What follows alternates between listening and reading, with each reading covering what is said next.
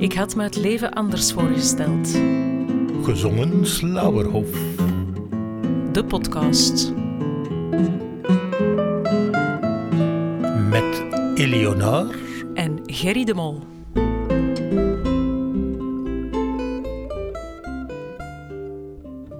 We hebben een cd gemaakt met liedjes op teksten van Jan Jacob Slauerhof. En deze podcast gaat over enkele van die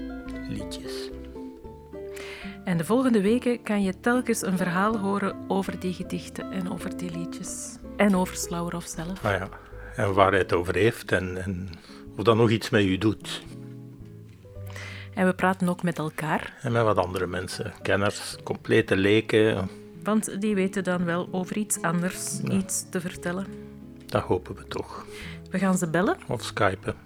of mailen, of zoomen. Ja, ze mogen niet bij ons komen, dus eh, het is wel heel erg des Slauerhofs om iedereen op afstand te houden. Hoezo? Dat leren we nog wel. Maar we gaan ook luisteren naar het lied van vandaag. En dat is Fado.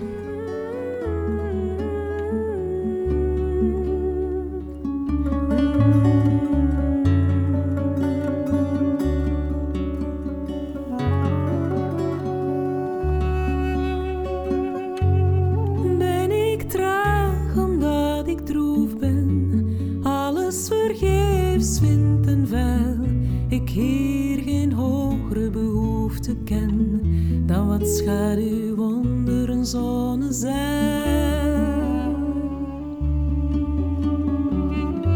Of ben ik droef omdat ik traag ben, nooit de wijde wereld in ga. Ik alleen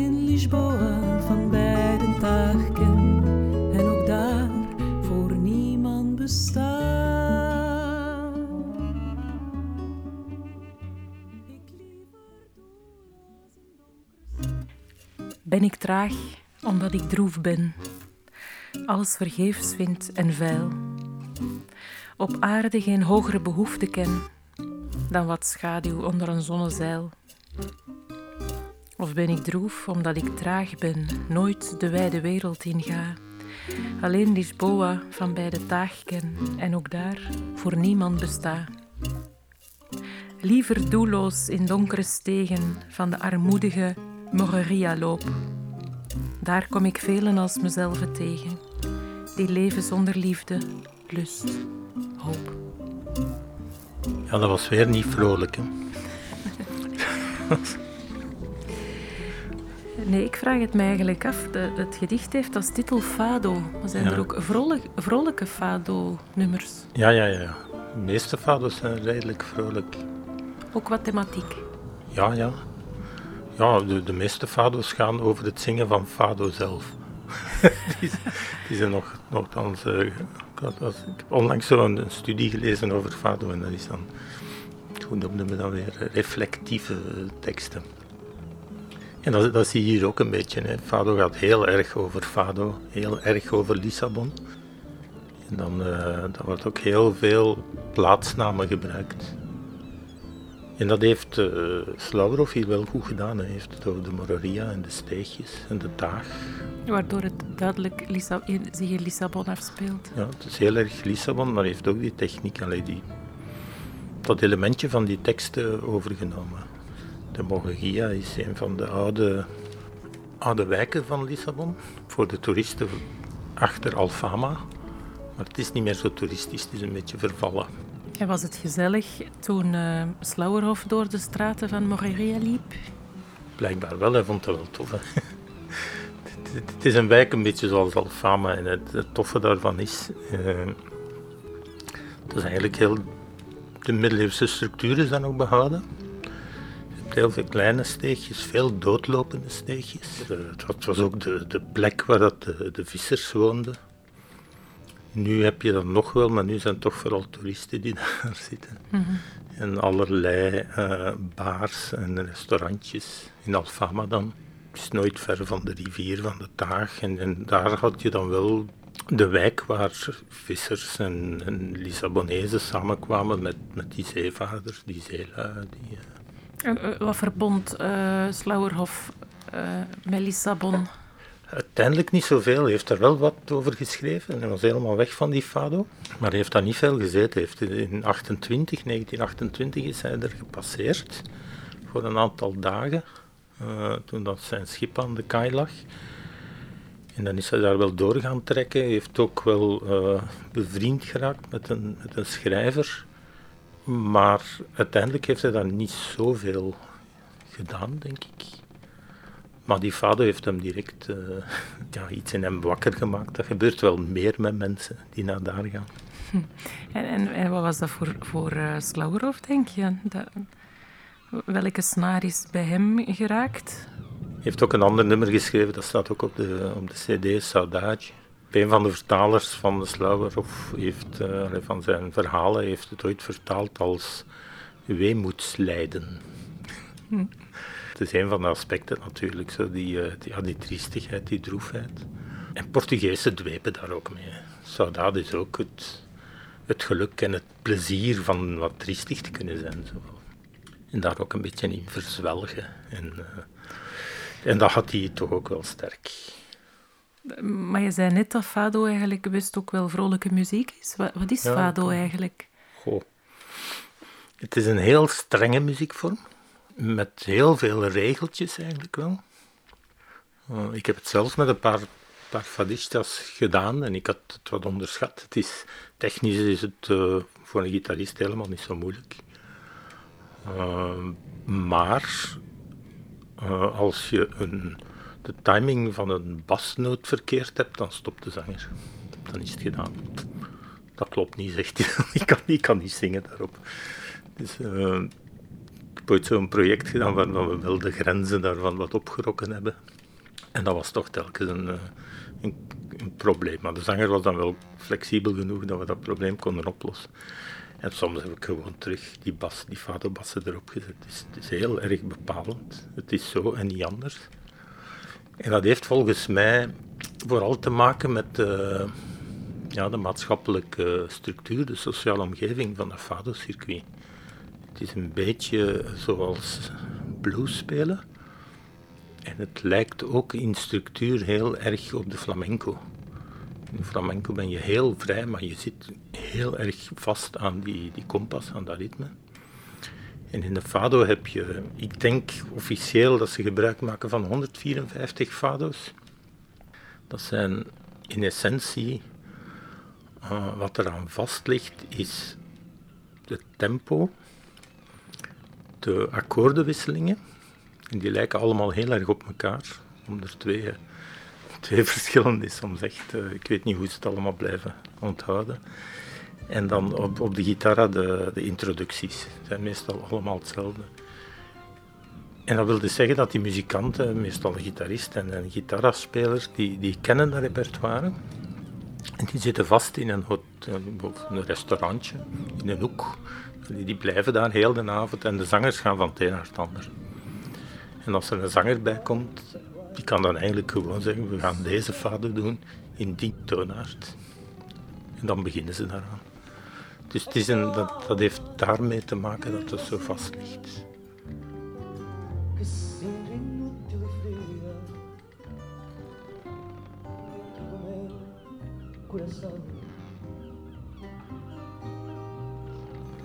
Daarnaast is er het meer professionele circuit, die zijn dan wel een beetje vrijer, omdat die met hun vaste groepen werken en die kunnen dan die kunnen repeteren. Maar er wordt dus niet gerepeteerd voor, die, voor dat circuit uh, in de restaurants en in de clubs. Maar dat wil dus ook zeggen dat die muzikanten die 154 fados wel van buiten moeten kennen in alle toonaarden. En dat is toch wel. dus je moet dat dan vermenigvuldigen met 12, in principe. Ja. Ja, en Slauerhoff was blijkbaar onder de indruk van de Fado, want hij, hij kocht dan een, een plaat die hij meenam op zijn schip. Ja, eentje van Maria Alice en in het eh, museum voor de Fado. Dus moet, ja, moet in 1928 geweest zijn. Zijn er ook, ook nog wel fragmenten van haar uh, bewaard gebleven. Zullen we eventjes luisteren? We zullen even luisteren.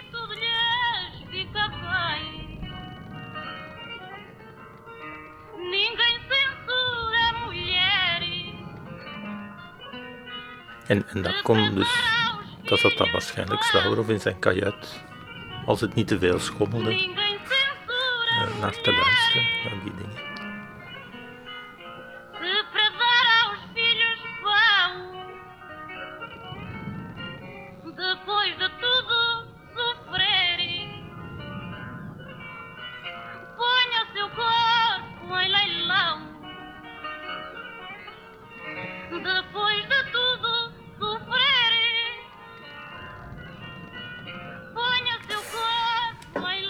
Denk dat uh, Slauwerhoff zichzelf al wel onder de outcasts heeft uh, gerekend. En misschien is daar ook nog een link met Fado. Ja, in deze tekst komt het ook. Hè. Dat hij zo, uh, samen met, hoe noemt hij het nu weer? De, uh, Degene die doelloos in de donkere stegen lopen. Ja. Uh, en Fado heeft altijd die naam gehad. het is zo ontstaan in het begin van de 19e eeuw. En er zijn heel veel theorieën over, over Fado, maar tot begin 20e eeuw had je wel, uh, was het eigenlijk ook een heel sociale beweging. Er is ook een tijdje een soort van socialistische Fado geweest. Dat was voor de dictatuur, uiteraard. Uh, en dat, was, dat moet toch een beetje die tijd geweest zijn. Heel sociaal, dat is vandaag nog altijd zo. In Lissabon kun je in bepaalde clubs gaan waar dat je de ene, ene keer een professionele fadista hebt uh, die die internationaal toert. Pedro Motinho Camané, die, die komen daar zingen. En dan tien minuten later kan je iemand hebben die net van uit zijn garage komt, want het is een, een, garage, een garagist, die zijn handen nog vol vet hangt en, en dat ook doet. Dus je hebt dat is echt nog een echt levende soort muziek bij, bij het volk ook. Heel volks. Aan de andere kant was daar ook iets bijna elitair aan. Van in de vroege versies van die fado had je altijd al een mengeling tussen een heel volkse karakter en dan een, een, een stukje van de adel ook. En een van de ontstaansmythes, maar dat is echt, echt een mythes, heeft ook bestaan, was zo'n ja, een prostituee, volksvrouw, Severa, dat dan een fadozangeres was en die trouwt met uh, de markies van Vimioso. En die, die link bestaat eigenlijk nog altijd. Ik heb, ik heb met groepen gespeeld waarin er ene echt uit een, een moeilijk, uh, moeilijke situatie kwam. Uh, en, en dan degene die ernaast zit, is dan een zoon van een groot industrieel die naar Brazilië is moeten vluchten, die teruggekomen is en gelukkig toch nog vier of vijf fabrieken heeft kunnen terugerven. De mensen die daar samen zitten zijn echt van alle slag. En dat was, en dat was, dat was toen ook maar het imago was altijd, als je naar die, in de jaren 30, 40 zijn er heel veel fado-films gemaakt in Portugal. Dat gaat altijd over arme meisjes. Meestal vinden ze dan wel een markies of, of een, een, baron of, of een graaf. Het is een prinsessenverhaal. Het is een beetje, ja, het is een beetje Hollywood aan de dag. Slauwerhoff leek ook uh, wel op te kijken naar uh, Pessoa. Ja, dat staat op een paar websites maar het is zeer twijfelachtig. Het is, uh... het is twijfelachtig dat ze elkaar gekend hebben? Ja, dat of? hij zelfs zoiets van Pessoa zou gehoord hebben. Ja. Uh, er is een biografie over Slauwerhoff van 800 pagina's, daar komt Pessoa niet in voor. Maar wel 35 keer Camões. Toch de vader van de, nog altijd een beetje, van de Portugese literatuur dichter uit de 16e eeuw, die het dan heeft over dat rijke zeevaartleven, de, de, ontdekkingsreizen, het leven op zee. En dat moet Slauwerhoff zeker aangesproken hebben. Hij heeft er ook heel veel. Hij heeft ook een paar verhalen geschreven waarin Camões zelf voorkomt. Ja, Pessoa heeft in heel zijn leven één weinig opmerkelijk uh, dichtenbundel uitgegeven, Mensagem. En de rest nagelaten in zijn kist vol met, bladeren. Wel, uh, was wel in vrij beperkte kring wel wat bekend, als, uh, omdat hij wel publiceerde. Hij had een literair tijdschrift, Orfeo. Daar was hij een beetje van bekend en daar werden wel dingen van gepubliceerd. Maar ik denk in zijn dichte omgeving was hij meer bekend als personage. Uh, iedereen weet zo'n beetje dat snorken, brilletje goed, een jas. drank en sigaretten. dat, was, het beeld van Pessoa dat nu nog altijd in, uh, in een van de wijken uh, aan de Bairro Alto, als je daar binnen gaat, heb je zo een, een café Brasileira. Waar hij aan een tafeltje En daar zit hij, ja, daar zit hij aan een tafel en iedereen uh, moet dan een selfie met Pessoa nemen. zonder hem ooit gelezen te hebben. Maar het is dus weinig waarschijnlijk dat Slavrov hem kende. Nochtans, is het, ze zijn van dezelfde generatie. Hm. Pessoa was negen jaar vroeger geboren. En die is drie jaar eerder gestorven, in 35. Dus ze zijn beiden niet echt oud geworden. Uh, Pessoa heeft zich wel zeer bewust doodgedronken. Dat was... Zijn allerlaatste geschreven woorden was: Geef mij een glas wijn, want het leven is niets. En dat zou Slawerov ook kunnen geschreven Dat zou hij ook kunnen geschreven hebben. Ik vind ook in die fado zo, ben ik troef omdat ik traag ben. Dat zou ook Pessoa kunnen geschreven hebben. Voor de rest zijn het ook heel erg tegengestelden. Hè?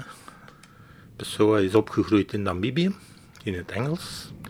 Is op zijn zeventiende naar Lissabon gekomen en heeft het nooit meer verlaten. Ja, hij leefde echt op zijn vierkante kilometer. Vrijwel heel zijn leven.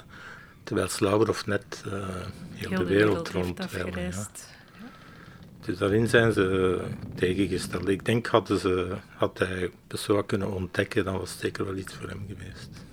We hebben op de cd wel één dingetje van Pessoa gebruikt. Hè. Over de dichter?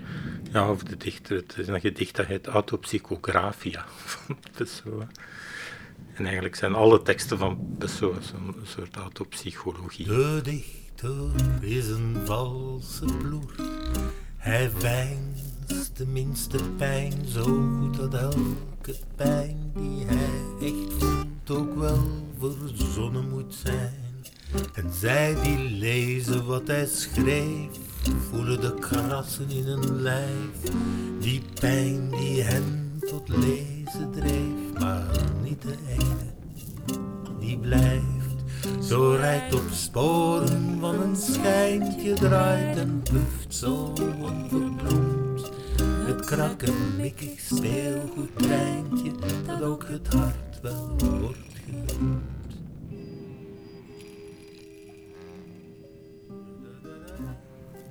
Van waar komt de fado eigenlijk? Eh, is dat echt iets Portugees of echt iets van Lissabon of komt dat van elders? Ja, daar kun je in Portugal religieuze discussies over houden. De etnomusicologen hebben zich gebogen over waar dat vandaan komt. En daar heb je dan een aantal strekkingen. Zijn er die vinden dat het van de troubadours en trouvères komt. Ja, dat zou wel kunnen. Je, je zit daar met een harmonisch systeem dat eigenlijk wel redelijk westers is. Uh, en dan zijn er een heleboel theorieën geweest over van uit, welke kolonie het nu precies zou komen. Er zijn een aantal dansen die ermee gelinkt zijn. En of die nu uit Portugal, het een aantal kleine eilandjes voor de kust van Afrika, of het daarvan komt, of iets dat terug uit Brazilië gekomen is. Uh, het, is een, uh, ja, het is een beetje een mikmak van theorieën en iedereen heeft zo wat zijn gelijk. En het, uh, hangt er een beetje vanaf van wie je wil geloven, wat je dan volgt. En het is gevoelig geworden omdat in, in de dictatuur van Salazar, die heeft die vader toch wel als een soort uh, voorbeeld van Portugeesheid genomen. Dat was dan de identiteit van Portugal, was de fado. Waardoor dat je daar zo die identitaire discussies ook wel kreeg. Maar je hebt daar nog zo overblijfselen die typisch zijn voor, uh, voor Portugal, die gitara. Eigenlijk een, uh, een, instrument dat je nergens anders nog ziet gebruikt worden, maar dat was in de 18e eeuw een heel courant instrument, dat heette een Engelse gitaar. Omdat de Engelsen veel naar Portugal gingen, omdat ze daar Porto konden, konden verhandelen. Allemaal Engelse handelaars die die Porto uh, uit het land sleepten. Uh, is dat instrument daar blijven hangen en vormt dat nu zo precies de, ook een stukje van die identiteit. Ik denk het enige wat je echt zeker kunt zeggen is het is de mix van genres en invloeden, omdat Portugal in die eeuwen daarvoor, en nu nog een beetje, ja, mensen aantrok van, van heinde en verre en overal. En die zeelui kwamen daar en, die, uh, en al die invloeden die zijn gefilterd en samengekomen. En wat nu van waar komt, ik weet niet of dat zo belangrijk is.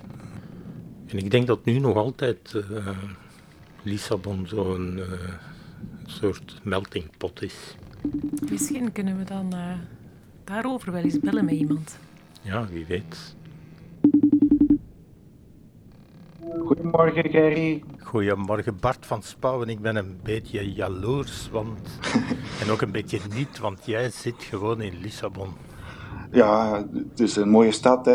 En ze ja. zeggen ook dat, er, dat, er goed, dat het goed weer is altijd. Dat, dat klopt ook wel. Hè. Ja, fijn om hier te wonen, Gerry. Ja, maar je zit wel binnen op het moment, hè? Op dit moment zit ik binnen, maar ik kan wel uh, het raam openzetten en het is vandaag goed weer, dus geen probleem. Hè. Uh, zeg, ja. Bart, waar, waarom zit jij in Lissabon? Uh, Gerry, ik ben, hier, ik ben hier al twaalf jaar geleden naartoe gekomen. Ik ben uitgenodigd om hier een onderzoek te doen. Het eigenlijk niet echt over Fado gaat, maar wel over de muziekvormen hier in Lissabon.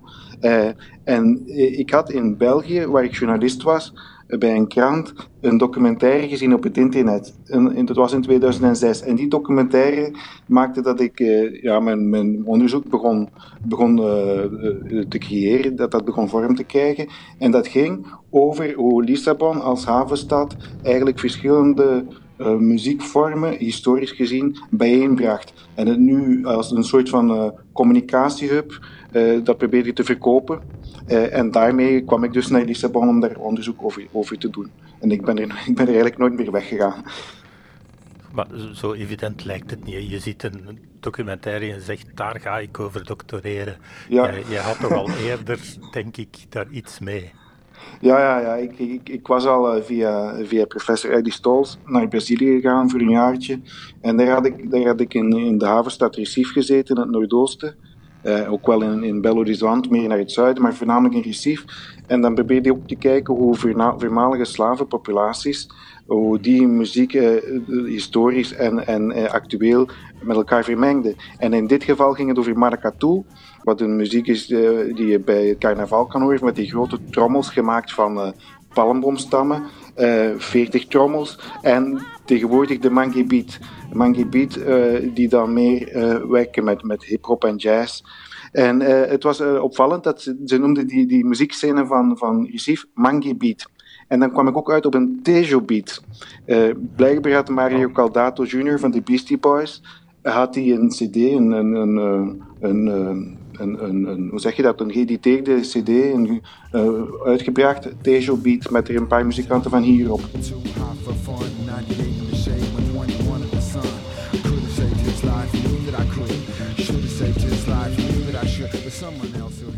Ik probeerde dus de twee dingen te linken, de documentaire en de cd. En uh, kwam, uh, ja zeg maar, kijk. Misschien voor de luisteraars, Tejo, dat is de Portugese naam voor de taag, de, taag, ja. die door Lissabon woont. Dat is waar, ja. Ja, ja, ja.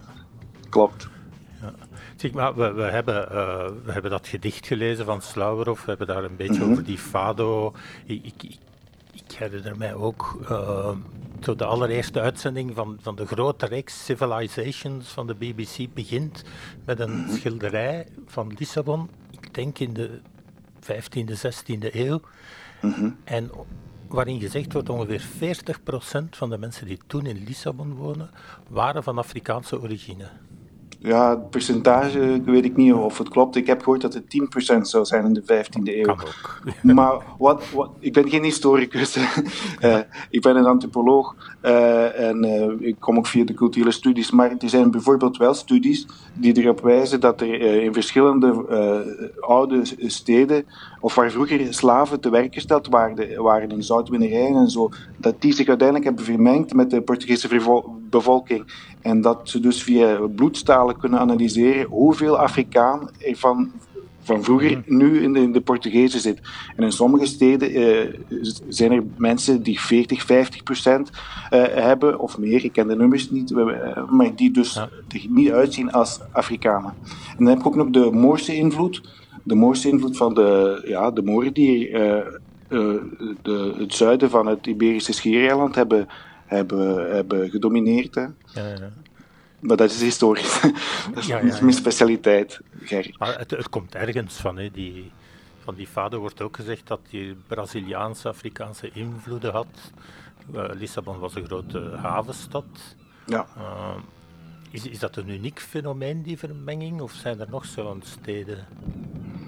Wel, eh, wel eh, er wordt voornamelijk hier in, in, in, Portugal wordt het voornamelijk verkocht als iets lusofoon. Lusofoon, de Portugees sprekende wereld. Er is wel een, een, eh, een, een, een, ehm, hoe zou ik het mogen zeggen? Sinds de wereldtentoonstelling in 98 is er wel een verschuiving merkbaar. En in die zin is Lissabon wel voor, het Lusofoongebied een van de enige steden, of misschien de enige, of misschien de bekendste stad die daarmee over de brug komt. Bij de Expo 98 stelde een onderzoeker van de Brown University, Timothy Sieper, eh, die hier kwam onderzoek doen ter plaatse, die stelde vast dat het eigenlijk nog een eenrichtingsstraatje was. Hij zei, men spreekt hier van Portugese muziek, maar niet van lusofone muziek. Dus er wordt vooral ge- gefocust, of er, werd, er muzikanten ge- eh, gepresenteerd die eh, Waren, die dan toevallig gingen samenwerken met Caetano Veloso of anderen. Eh, en dat wordt nu anders. Nu zijn er zelfs de jonge generatie van de vadermuzikanten, bijvoorbeeld Ana Moura, eh, en ik denk zelfs Pedro Moutinho, die eh, graag zeggen dat ze samenwerken met muzikanten die hier wonen of die van andere Portugese landen komen, bijvoorbeeld van Guinea-Bissau of Brazilië of Angola. En dat maakt, maakt hun argument precies sterker dat fado niks steriel is, maar wel een soort van, eh, van Atlantisch, Atlantisch genre. Nou. Ja, ja. Nu, nu, je, je hebt al een, die een beetje verteld over die verschillende genres. Als je als, als toerist naar Mhm. Lissabon gaat, dan, dan weet je die fado wel te vinden. Ze slaan Ja. om je oren. De, de, Alto, Alfama, een stukje Mogoria. Ja, ja, dat is waar. Eh, overal fado, eh, waardoor dat je wel de indruk zou kunnen krijgen, dit is hier nog allemaal fado, maar daar is een heleboel andere mengmuzieken Ja. ook rond Lissabon leven. Hè? Ja, dat is waar. Het probleem is, eh, wat er wordt aangeboden aan de mensen die bijvoorbeeld hier op de, op de luchthaven van Lissabon aan, aan, aankomen, wordt al direct oversteld met pamfletten en ook in de Barrio Alto, de uitgangsbuurt, eh, wordt precies alleen op Fado gefocust. En dat heeft een historische reden, want Fado werd in de dictatuur, die pas in 1974 afliep, met een, eh, een revolutie die helemaal niet bloedig was. Misschien vier mensen die toen zijn omgekomen. Maar Fado werd, werd door, de, door de dictator, eh, door het regime, voorgesteld als eh, de essentie van de Portugese ziel, van de Portugese identiteit. En toen Portugal dan toetrad tot de Europese Unie in 86, dan werd het land meer en meer voorgesteld als een wit continentaal Europees land en minder als een lusofoon land, een transatlantisch land met, met eh, eh, eh, sterke banden, gevoelsgewijs en ook cultureel met Brazilië en Angola. En dat heeft te maken met een taboe. Het heeft te maken met het feit dat voor de oude generatie van de Portugezen onderwerpen zoals de koloniale eh, eh, dominering en, en dan ook, ook ra- racisme, dat die nog moeilijk liggen. Dus voor de jonge generatie is het gemakkelijker om over die dingen te praten. De oude generatie zal misschien teruggaan naar, naar vergelijkingen met Lundoom en, en, en, en Fado. Ehm, maar bon, ja, ze zeggen hier wel dat Fado in het begin, eh, toen het ontstond, gedanst werd. En dat het gedanst werd ook door de zwarte bevolking. En dat die dingen, dat die eh, kap, hoe moet ik het zeggen, die, eh, die, die hulst er vanaf is, is gehaald. En dat het nu gestiliseerd is tot, we kunnen ons inbeelden, een, een zanger of een zangeres met een, een zwart gewaad, die, die, die heel, heel gevo- gevoeld muziek, mu- muziek brengt. Maar bon, fado is dus ook... Ze zeggen bijvoorbeeld ook van de Morna in Cabo Verde dat dat de fado van de eilanden zou zijn. Ja. Dus dat, dat zijn allemaal benamingen. Maar er wordt wel meer en meer onderzoek over gedaan ook.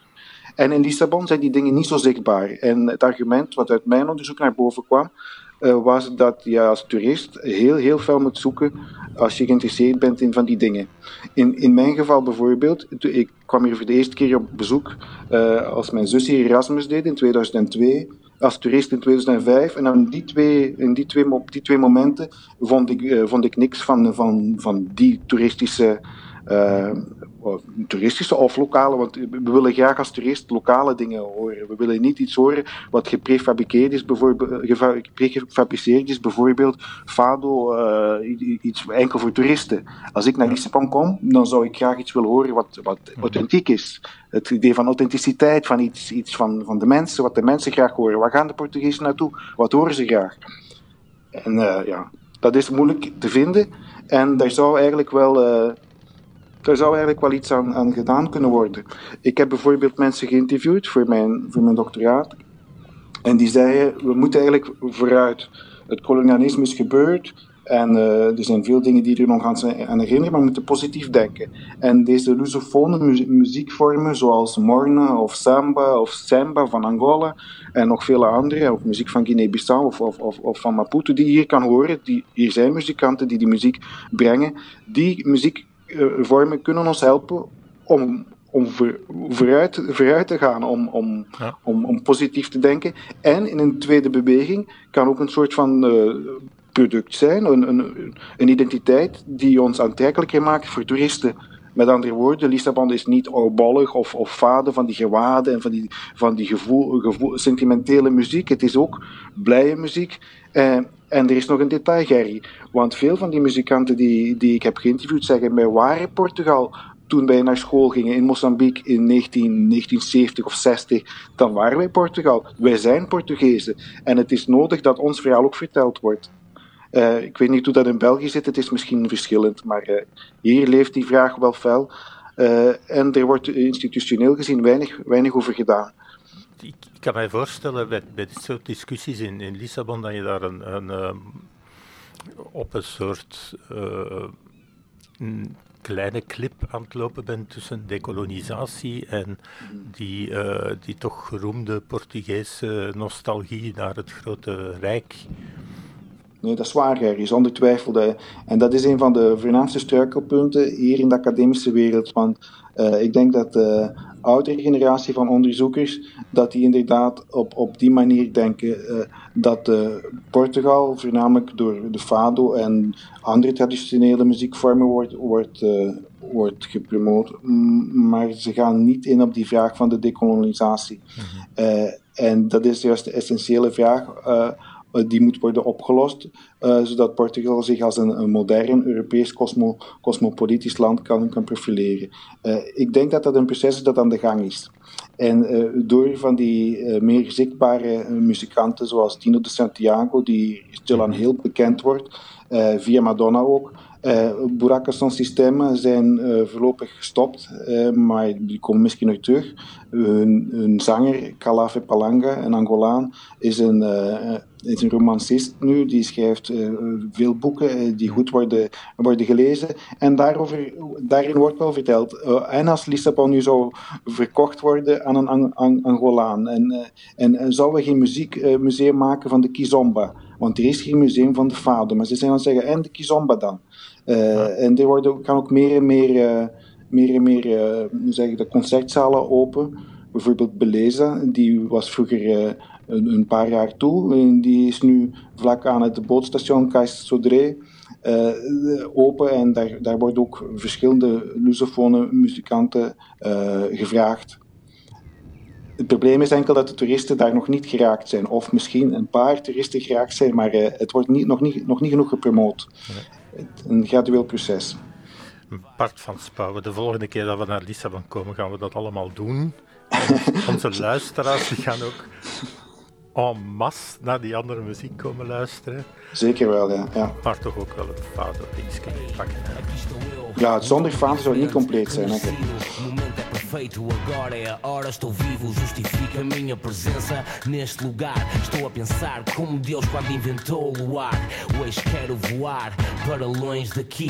Uma praia com palmeiras, voltar longe daqui. O rei com asas, queimei as asas. A tentar chegar ao sol, caminhei nas brasas. Enquanto perdia tempo, perdi o momento. Agora é um novo dia, é o meu renascimento. Porque eu vou tentar e tentar. Het is tijd om toch eens te luisteren naar onze vader. Hè? Uh, Ellie, jij hebt die muziek gemaakt, maar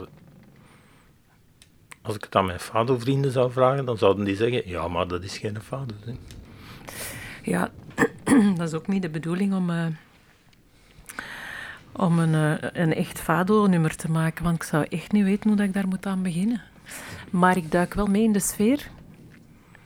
En ehm, ik vond die tekst wel heel beeldend. En ik ben ook al wel een paar keer in Lissabon geweest. Ik heb ook al wel heel wat naar Fado geluisterd. Ehm, en ik kon mij daar wel iets bij voorstellen. Dat ik wel wilde vertalen in een, in een melodie of zelfs in een soort eh, vocalize die, die ik daar ook wel heb bij geplaatst. Ja. En dan heb je natuurlijk nog de instrumenten die je toch wel wat een fado-toets geven, denk ik. Ja, er zit de Portugese gitaar bij nu. Voilà. En de doedoek. Ja. Ja, ik heb nog eigenlijk nooit, nooit een doek bij een echt vader-nummer gehoord. Eh, wie het wel samengebruikt heeft, denk ik, is eh Rabia Bouchalil. Heeft zo'n is een bizarre samenstelling gemaakt met een vaderzanger, Ricardo Ribeiro, en een doedoekspeler. En dan een oud, en slagwerk en, en nog iets waarschijnlijk. Dus die is ons een beetje voorgegaan, maar niet met een gitaar. Misschien is het een wereldpremière dat we gedaan hebben. In ieder geval de tristesse en het verlangen en eh,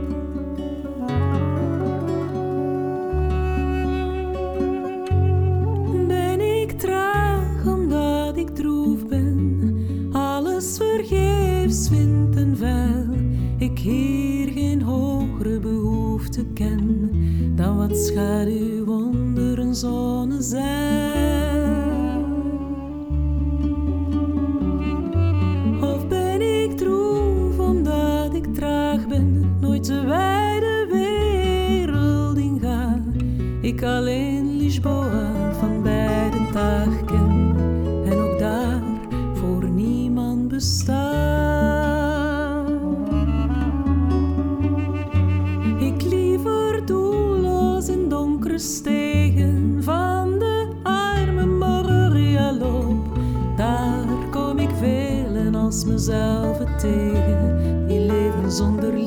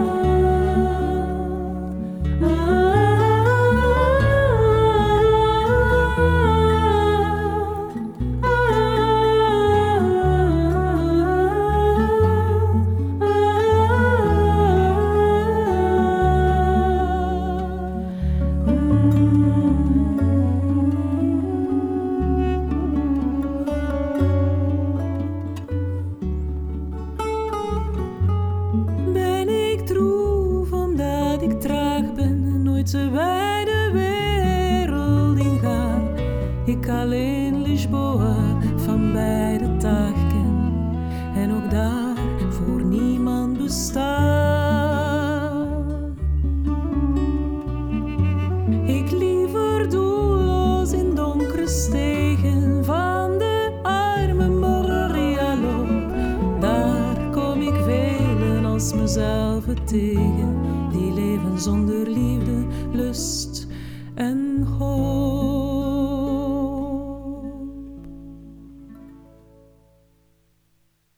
Dat was het dan voor vandaag. En volgende keer duiken we weer in een ander gedicht. En een ander lied. En dan hebben we het over dit eiland.